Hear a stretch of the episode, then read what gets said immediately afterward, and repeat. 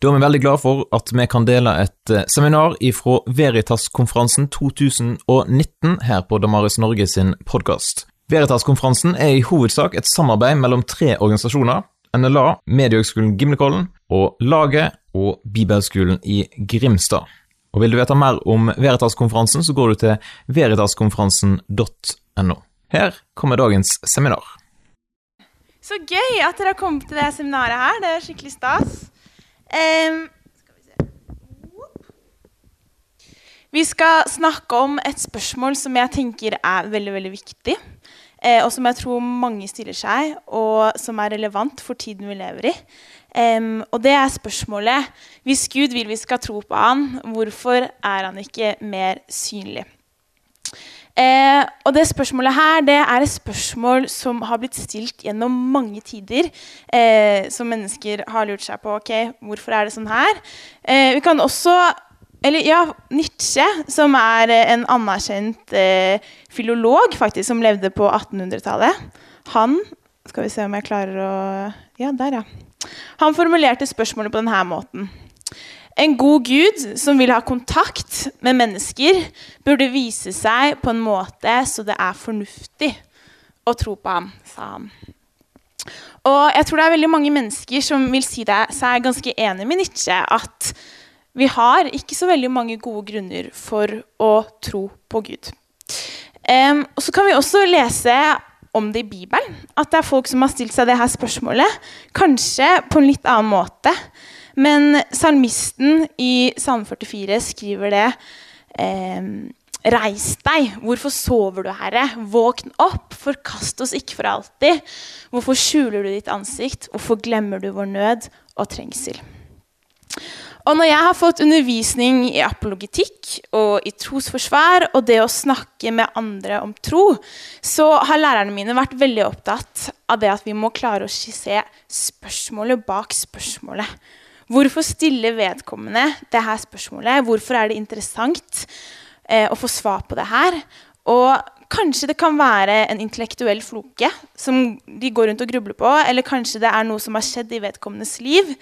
Og det må vi være opptatt av når vi snakker med folk om tro. Så jeg har forsøkt å på en måte kategorisere hvilket utgangspunkt kan mennesker ha for å stille det her spørsmålet. Um, og jeg tror at vi kristne, når vi opplever kriser i livet, og når vi heller ikke opplever at Gud svarer, og Gud viser seg, så kan vi stille det her spørsmålet ah, Gud, hvorfor gjør du deg ikke mer synlig nå?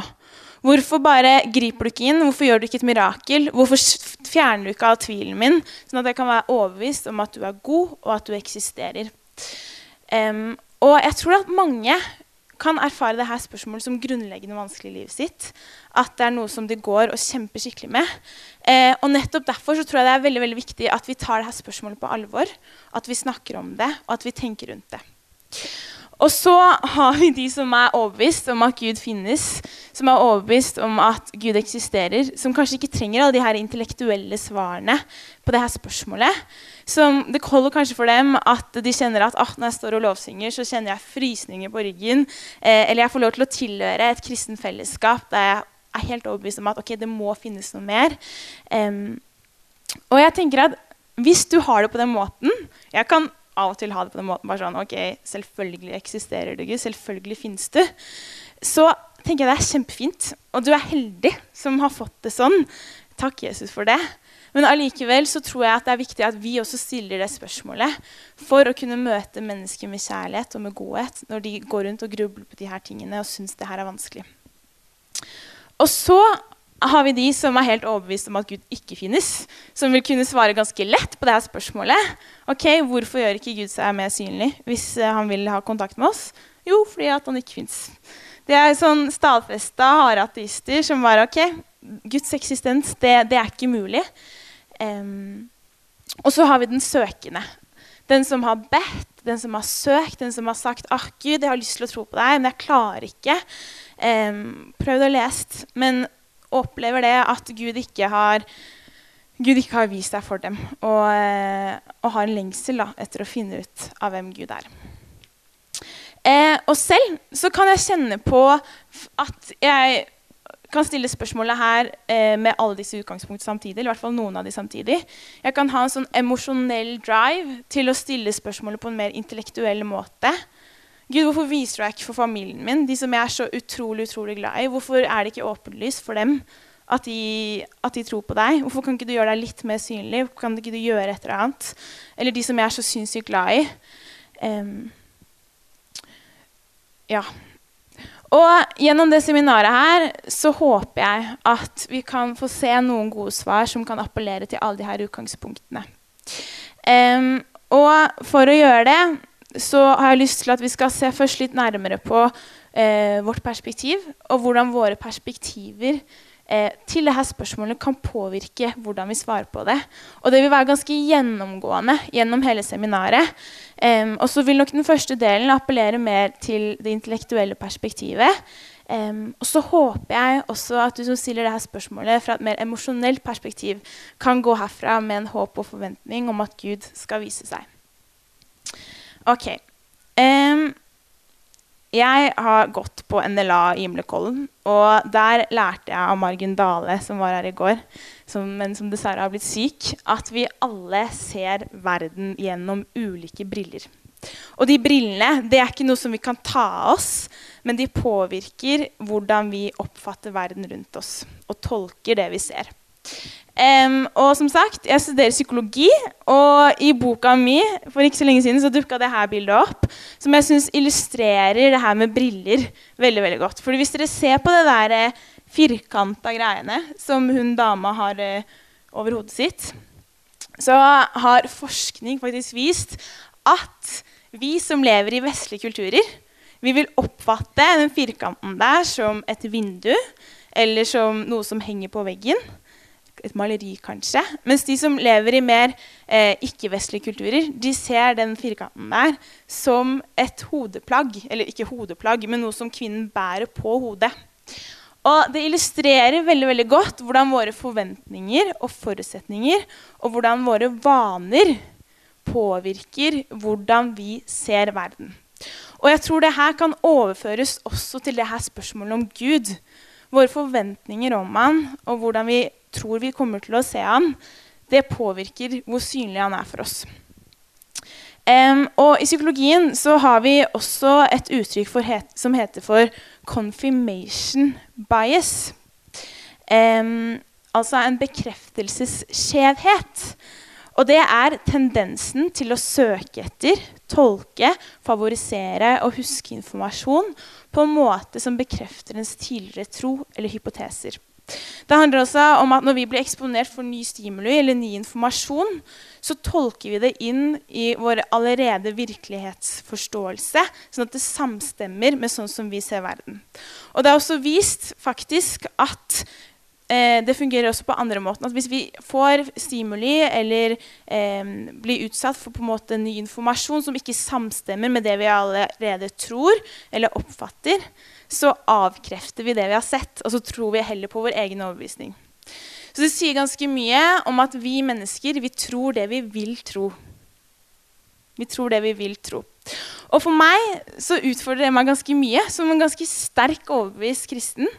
Og så tror jeg også det kan eller utfordre ateisten som en sterk overbevist ateist. Tør vi å ta det her spørsmålet om Gud? Tør vi å utforske det med åpne sinn? Ja. Og så tror jeg, for å være helt ærlig, så tror jeg at det, det koster å endre mening. Det koster å, å, å, oppdage at ok, de sannhetene jeg kanskje har bygd livet mitt på, de samstemmer ikke. Det er ikke sånn som jeg har trodd at det er. Um, jeg tror det hadde vært kjempevanskelig for meg hvis jeg oppdaget at ok, kristendommen holder ikke. liksom. Eh, det er det jeg bygger hele livet mitt på, og Jesus betyr sinnssykt mye for meg. Og sånn tror jeg det også kan være for mange som ikke tror. Um, og det kan hjelpe oss til å gi ett svar, det her confirmation bias, denne informasjonen, på, eh, på hvorfor noen sterke ateister ikke se Gud. Og det er at uansett hva de ville sett, uansett hvor tydelig bevist det hadde vært, så hadde på en måte den, deres grunnleggende antakelse om at Gud ikke finnes, gjort det sånn at ikke de hadde latt seg overbevise. Sånn som for Hvis Gud hadde skrevet på himmelen 'Jeg er Gud' eller et eller annet sånt noe, på en sky, så hadde man kanskje heller funnet andre forklaringer. Ok, Det må være eh, et eller annet fly som har gjort det, eller noen værfenomener. eller noen sånne ting, type ting. Sånn at det med confirmation bias det kan prege oss ganske mye. Og det er noe som både eh, vi kristne må være bevisst på, og også ikke-kristne. Um, ja, så jeg tror egentlig at det finnes ganske mange gode argumenter for å tro på Gud, men det er ikke tvingende bevis. Det er ikke sånn at det tvinger oss til å være helt overbevist om at han eksisterer. Ok, det koster å endre mening. Det har jeg sagt. Og så har vi det enkle svaret på dette spørsmålet fra en kristen. Hvorfor gjør ikke Gud seg mer synlig dersom vil, han vil at vi skal tro på ham? Og det enkle svaret er at jo, fordi Gud er usynlig. Um, og noen kanskje tenker at ok, Maren, det det her er et for enkelt svar. Kom on, gi meg noe bedre. Uh, men jeg tror det er et ganske viktig presisjon for jeg tror at Når mange stiller her spørsmålet, så er det med en bakenforliggende forventning om at Gud skal være noe annet enn det han faktisk er. Fordi Gud han er ikke en ting, men han er Gud, han er ånd. Han er ikke fysikk eller, fysikk eller materie, men han er skaperen som står bak skapverket. Det er han som har skapt alt. Um, og det er ikke sånn at vi kan liksom bruke et lite mikroskop for å finne Gud, eller uh, bruke en stjernekikkert for å finne Gud. eller ikke sånn at vi kan si at oh, der er Guds skikkelse. Men han er på en måte over alt og alle. Han er transcendent, um, som man kan kalle det. Og vi kan samle det likt med eh, en kunstner som har laget et maleri, eh, og som selv bestemmer hvordan han vil åpenbare seg eller vise seg i det maleriet. Um, kan signere 'Made by' eller um, Ja. Men det, vil, det, maleriet vil være prega av kunstneren, selvfølgelig. Men kunstneren selv velger hvor tydelig den vil vise seg. Um, yes. Og For å forstå det her bedre så kan vi sammenligne det litt med fornuften. Hvis, eller vi kan vite at fornuften er der, vi kan legge merke til at den er der. Men hvis den ikke er der, så merker vi det i hvert fall. Um, og jeg tenker noe, men dere kan ikke vite hva jeg tenker før jeg bestemmer meg for å åpenbare det for, det for, dere, for å si det til dere. Ok, det her er det jeg tenker på. Og sånn er det også vi ten eh, kristne tenker om Gud. At vi kan kun vite noe om Gud dersom han velger å åpenbare det for oss og fortelle det til oss. Men dere, de gode nyhetene er at Gud har faktisk åpenbart seg for oss. Det finnes et bevismateriale um, som vi kan få lov til å studere, og som vi kan få lov til å evaluere. Ok, Er det sannsynlig at det finnes en Gud? Um, skal vi si Og det at vi kan erfare mening, at vi kan erfare kjærlighet, det at vi har logikk, det at vi har moralske standarder, det mener mange er pekere mot at det må finnes noe høyere. Og det fins mange smarte filosofer som har brukt det til å lage Guds argumenter, formulert som Guds argumenter, mot at det må finnes en gud. Og så har vi jo hele universet det at det finnes noe i det hele tatt. Hvorfor finnes det noe fremfor at det ikke finnes noe? Eh, det mener veldig mange peker mot Guds eksistens. Og det jeg tror, som jeg har lyst til å bare nevne her, at jeg tror vi har en tendens av og til til å søke Gud veldig i det unaturlige fremfor det naturlige. Men det er også sånn at Gud har åpenbart seg gjennom den naturlige virkeligheten som vi erfarer, gjennom hverdagslivet vårt gjennom det fantastiske hverdagslivet på veldig mange måter. Og i Eller kanskje ikke alle, men for noen. Men i Bibelen i hvert fall, så kan vi lese i Jakobs brev at all god gave og all fullkommen gave kommer ovenfra, fra ham som er himmellysets far. Så hvis vi tenker på alt som er godt i livet vårt, alle ting som er bra, som er fint, som vi er takknemlige for, og skriver ned det her, så tror jeg at vi kan komme på ganske mye fint. Og så kan vi tenke at ah, det her kommer fra Gud. Og da blir Gud kanskje plutselig litt mer synlig for oss. Fordi at alt godt kommer fra Gud. Ok, Men nå så tenkte jeg at vi skulle se litt nærmere på noen av de her argumentene som de her smarte filosofene har formulert. Og en av mine favorittargumenter det er det kosmologiske argumentet, Kalam-argumentet, eh, som tar utgangspunkt i nettopp det at universet har begynt å eksistere. Og jeg tenkte vi kunne se litt nærmere på William Lane Craig sitt, hvordan han formulerer det, som er en ganske kjent teolog og apologet i vår tid. Så vi kan se på den filmen her.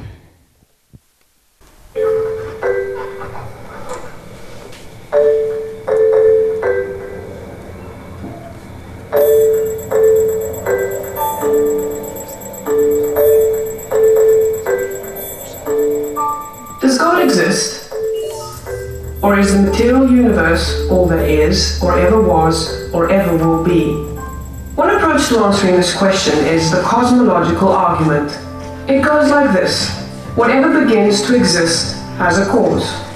The universe began to exist, therefore, the universe has a cause. Is the first premise true? Let's consider. Believing that something can pop into existence without a cause is more of a stretch than believing in magic. At least with magic, you've got a hat and a magician. And if something can come into being from nothing, then why don't we see this happening all the time? No, everyday experience and scientific evidence confirm our first premise. If something begins to exist, it must have a cause. But what about our second premise? Did the universe begin or has always existed? Atheists have typically said that the universe has been here forever. The universe is just there, and that's all.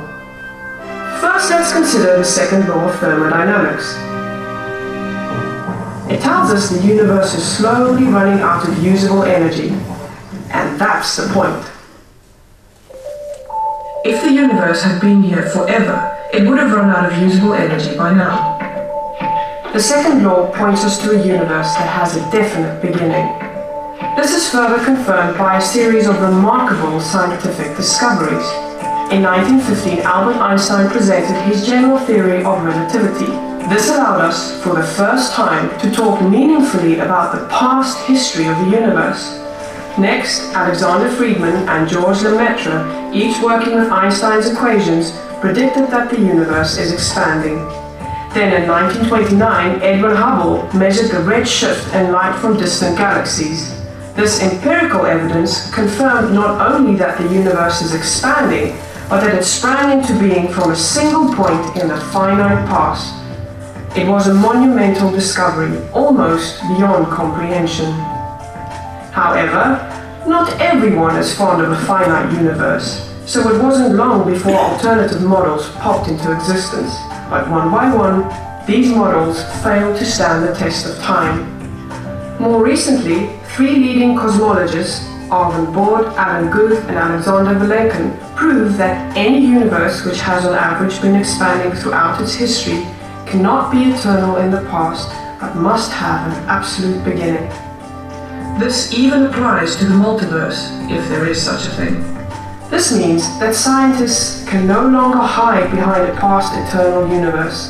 There is no escape. They have to face the problem of a cosmic beginning. Any adequate model must have a beginning, just like the standard model. It's quite plausible then that both premises of the argument are true. This means that the conclusion is also true. The universe has a cause. And since the universe can't cause itself, its cause must be beyond the space-time universe.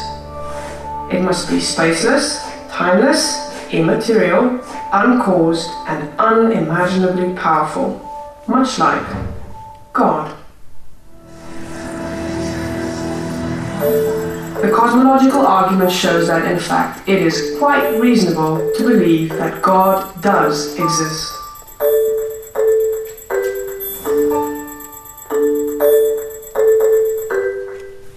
Yes. Det er verdt å undersøke mer Reasonable Faith. De har sykt mye bra, og jeg syns det her argumentet taler ganske sterkt for at det må eksistere en gud. Og Det fins flere sånne eh, argumenter som det her, som bygger på virkeligheten, som vi erfarer. Um, men tilfeldig så er de, de er ikke tvingende bevis. Um, og de forteller oss heller ikke noe om hvem denne guden er, eller hva han ønsker. Det er liksom en, eh, en kake. Se for dere at jeg har bakt en kake, og så har jeg putta masse ting inn i den. Eh, og så sender jeg den til et forskningsteam, og så bare sånn Ok, nå kan dere forske på den kaka her. Finne ut alt. Prøve å finne ut så mye som mulig. Og jeg tror de kan finne ganske presist ut Ok, eh, Maren har tatt oppi egg. Hun har tatt eh, en teskje med bakepulver og 200 gram sukker eh, og stekt den på så og så mange grader. Men kan de funnet hvorfor jeg har bakt en kaka? Om jeg skulle ha den til en bursdagsfest, eller om jeg skulle ha det til eh, Jeg skulle bare lage en kake ut av restene jeg hadde i kjøleskapet. Det kan man ikke vite ved å forske på den måten. Og Sånn er det også litt med skaperverket. At vi kan finne ut en del om hvordan Gud har tenkt og hvordan man har lagd verden. Men vi kan ikke finne ut så mye av hvorfor han ønsket den, og hva han ville med verden. Men Gud han har strukket seg ganske langt for å åpenbare seg for oss. Og han har også åpenbart seg for oss på en spesiell måte gjennom Bibelen, gjennom hele Israels historie og gjennom Jesus. Og det som er ganske kult, som Stefan eh, snakka en del om i dag, det er at Jesus han kom til jorda som en historisk person.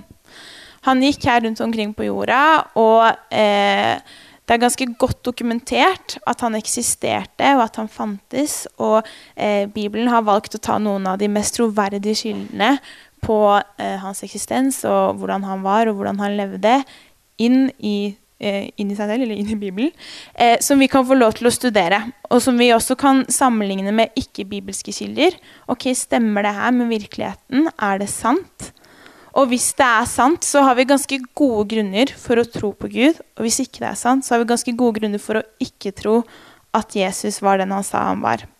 Og det er ganske, ja, Jeg syns det er veldig bra, og jeg anbefaler dere til å undersøke det bedre hvis dere syns det her er interessant, og se at ok, er det på en måte er det reasonable, er det fornuftig å tro at Jesus var den han var?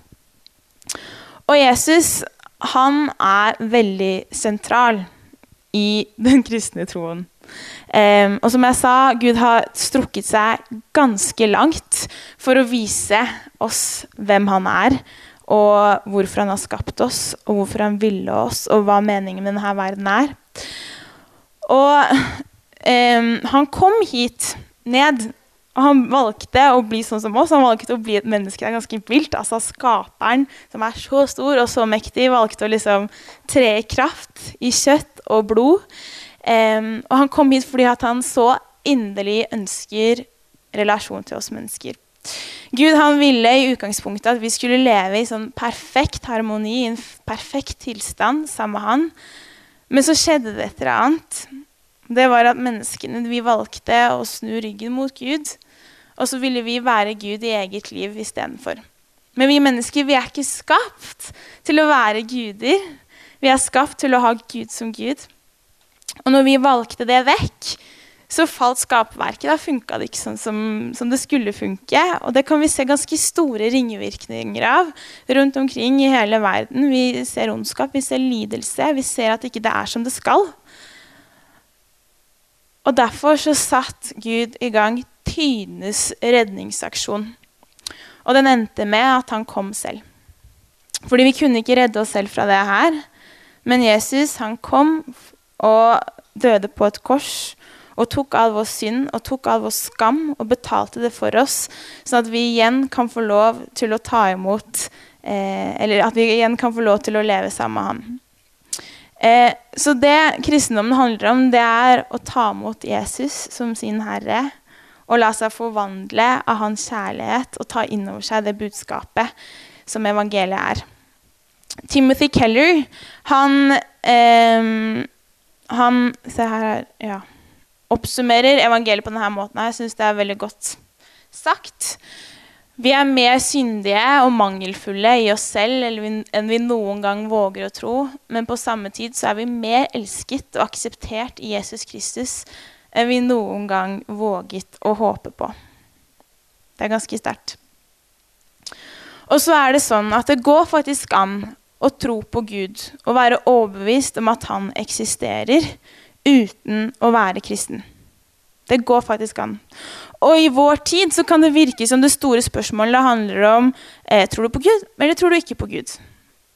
Men det er ikke det som er det store spørsmålet. Det store spørsmålet er tror du på Jesus som din frelser. Tror du på Jesus som din frelser? Og i Jakobs brev så kan vi lese at det står Du tror at Gud er én, du gjør vel. Men også de onde åndene tror det og skjelver. Til og med Guds fiender har en overbevisning om at Gud eksisterer. Og Det kan vi også lese, gjennom, eh, lese om i Bibelen, at det er ganske mange som har en overbevisning om at Gud finnes, men som ikke svarer ja på det spørsmålet om tror du at Jesus, eller vil du ta imot Jesus som din frelser. Um, og et viktig svar eller en viktig ting å gjøre til det spørsmålet som vi stiller i dag, det er å stille et motspørsmål. For ville det virkelig gjort en avgjørende forskjell dersom Gud skrev på himmelen? Eller ga et sånt veldig tydelig tegn på at han eksisterte? Um, og jeg tror Gud faktisk ganske lett kunne flytte ganske mange mennesker fra gruppen eh, ateister, eller som tror at okay, Gud ikke eksisterer, til gruppen som er en overbevist om at det må finnes et eller annet, at det finnes en Gud. Han kunne f.eks. Ja, skrevet på himmelen, eller han kunne tatt oss og gjort det sånn at når vi studerte mikroskoper i alle molekyler, så sto det 'Made by God'. Et eller annet sånt noe. Um, men så tror jeg det at det er kanskje ikke sånn Gud vil at vi skal kjenne Han. Skal vi se om jeg finner Her. Yes. Fordi det å være kristen det handler ikke om å ha svar på alle de intellektuelle spørsmålene fremst, først og fremst. Det handler om å velge Jesus som herre hver dag i sitt liv og innse det at ok, Gud, jeg kan ikke være herre i eget liv. Jeg trenger deg. Jeg trenger du til å være Gud i mitt liv. Og ta inn over seg evangeliet og la hans kjærlighet forvandle hjertene våre, sånn at vi kan få lov til å leve i relasjon med ham. Og for mange så tror jeg faktisk det her kan være en begrensning fra det å tro på Gud. At man må si at ok, Gud, du er herre og ikke meg. Og at man kan tenke at ok, det kan være noe i det der med Jesus. Det kan hende at det faktisk er sant at han eksisterte, og at det han sa, var sant. Men da må jeg velge et annet liv. Da må jeg ha Jesus som herre istedenfor. Så når Gud åpenbarer seg, så virker det som at det er med et ønske om å dra oss nærmere Han, heller enn å ha en sånn intellektuell overbevisning om at han finnes, selv om han gjør det, og det er mange gode argumenter. Men det Gud først og fremst ønsker, det er å forvandle hjertene våre. Og det tror jeg at han gjør på veldig mange ulike måter, fordi vi er ulike mennesker, og vi møter her spørsmålet fra ulike perspektiver, som vi har vært ganske godt inne på. Um, men evangeliet, det handler om at vi Eller jeg sier at vi er først og fremst kalt til å, til å bygge vår tro på evangeliet. Og ikke på vår intellektuelle overbevisning, og heller ikke på våre prestasjoner. Og heller ikke på hvor flinke vi er til å lage en Veritas-konferanse, eller vår måte til å tolke bibeltekster, eller vår eh, måte til å lede lovsang. Vår tro det bygger først og fremst på evangeliet og det Gud har gjort for oss, og at Den hellige ånd gir oss tro. For Gud han viser seg på en sånn måte at han legger opp til relasjon. Og Jeg har bare lyst til å fortelle en analogi. Bare se for deg at jeg, jeg, er den kule jenta i klassen, og jeg er ganske fet, og jeg har ganske god kontroll. Og Lisen, hun syns jeg er litt teit. Hun, liksom, eh, hun er litt rar. Eh, og jeg ser litt ned på Lisen, og jeg inkluderer henne ikke så veldig godt.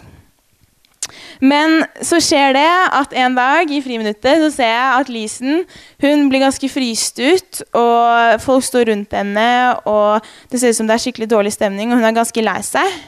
Og så finner jeg ut etterpå at det her har skjedd fordi at noen har snakka dritt om meg. Og så har Lisen gått og stått meg til forsvar. Hun har lidd for meg. Og det endrer ganske mye min holdning til Lisen. Bare sånn, wow, Lisen er egentlig ganske kul. Hun valgte å gjøre noe i mitt sted. Og det her kan vi også anmelde litt til Gud. At Gud han åpenbarer seg på en måte på en mild måte, sånn at vi endrer vår holdning til hvem han er. Um, det er ikke sånn at Gud kommer og bare Poff! Her er jeg! Du må tro på meg! Jeg tvinger deg til å tro på meg! Se, her er jeg! Nei. Gud han valgte å bli som oss og leve her på jorda sammen med oss. Og dø i vårt sted, sånn at vi kan få lov til å leve med ham. Han viser seg på en måte som legger opp til relasjon. Og dette her leder til en siste refleksjon rundt dette svaret på hvorfor Gud ikke viser seg på en måte som gjør at eh, det er helt innlysende at alle må tro på ham. Og det er at Gud gir oss ikke tvingende bevis fordi relasjonen vår til han, det må være et valg tatt i kjærlighet.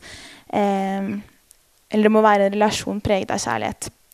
Hvis jeg tenker at ok, jeg er skikkelig forelska i denne duen her, jeg vil at han skal elske meg, så kan ikke jeg tvinge han til å elske meg. Det sier ganske mye om meg. egentlig. Det sier at jeg har et sånn kontrollbehov for han gutten der. Og at jeg kanskje er litt usikker på meg selv. Fordi at jeg har et sånn behov for at han skal gjøre på akkurat sånn måte som jeg befaler. Og det er ikke et valg fra hans side. Det blir ikke preget av ekte relasjon. Han vil ikke elske meg på en ordentlig måte hvis jeg tvinger han til å elske meg. Um, så det sier også ganske mye om Ja, det sier både mye om meg eh, og også mye om den relasjonen. Men Gud er ikke sånn. Det er ikke Guds natur at han har et sånn kontrollbehov for mennesker, eller at han har en sånn der usikkerhet, at han er helt avhengig av at vi tror på han. Det er han ikke. Han ønsker at vi skal vite hvem han er. Han har åpenbart seg og strukket seg ganske langt gjennom å sende Jesus. Og at vi kan få lov til å bli berørt av det, og så kan han få lov til å forvandle oss gjennom den kjærligheten han har for oss. Så det er mulig for oss å søke Jesus, og jeg tror også det er mulighet for å finne han. Gud har faktisk lovet oss det, at den som søker, han skal finne. Og jeg bare håper at vi sammen kan få lov til å tro på de her løftene som Jesus har sagt. Mm. Det var egentlig det jeg hadde lyst til å si. Og så, hvis dere har noen spørsmål på slutten, så gjerne kom med de nå. Er det noen spørsmål? Ingen spørsmål? Ja. Uh, du nevnte litt med at um, uh, for å på en måte kanskje se litt mer av Gud, så må vi endre på holdningene våre og velge kanskje å tro. da. Men kanskje et argument for artistenes side å på en måte si at det er rett og slett bare psykologi. da, At siden du endrer holdning, så er det noe psykologisk at du begynner å vel, velge å se ting. liksom. Det blir ikke det et argument for ja, Hvordan svarer man på et, en sann påstand? Oi, godt spørsmål. Godt spørsmål. Um, ja, jeg studerer jo psykologi selv, sånn at, uh, sånn at uh, jeg tror at vi lett kan ha en tendens til å psykologisere mange ting og tenke at på en måte ikke det er reelt. Men jeg tenker at på den måten også så, så kommer de her rasjonelle argumentene eller sånn, Jeg mener ikke at de ikke er viktige. Er, jeg tror det er kjempeviktig at det er sant, men det er ikke det vi kan bygge vår tro på. Og på den måten så kan vi, Når vi studerer virkeligheten, når vi studerer Bibelen, så har vi også ganske mange rasjonelle grunner for å tro på Gud. Um, og så tror jeg også Gud er opptatt av våre følelser, og at han er opptatt av vår affekt og hvordan vi har det. Sånn at um, Det er ikke sånn at det bare er det intellektuelle som er viktig. på en måte.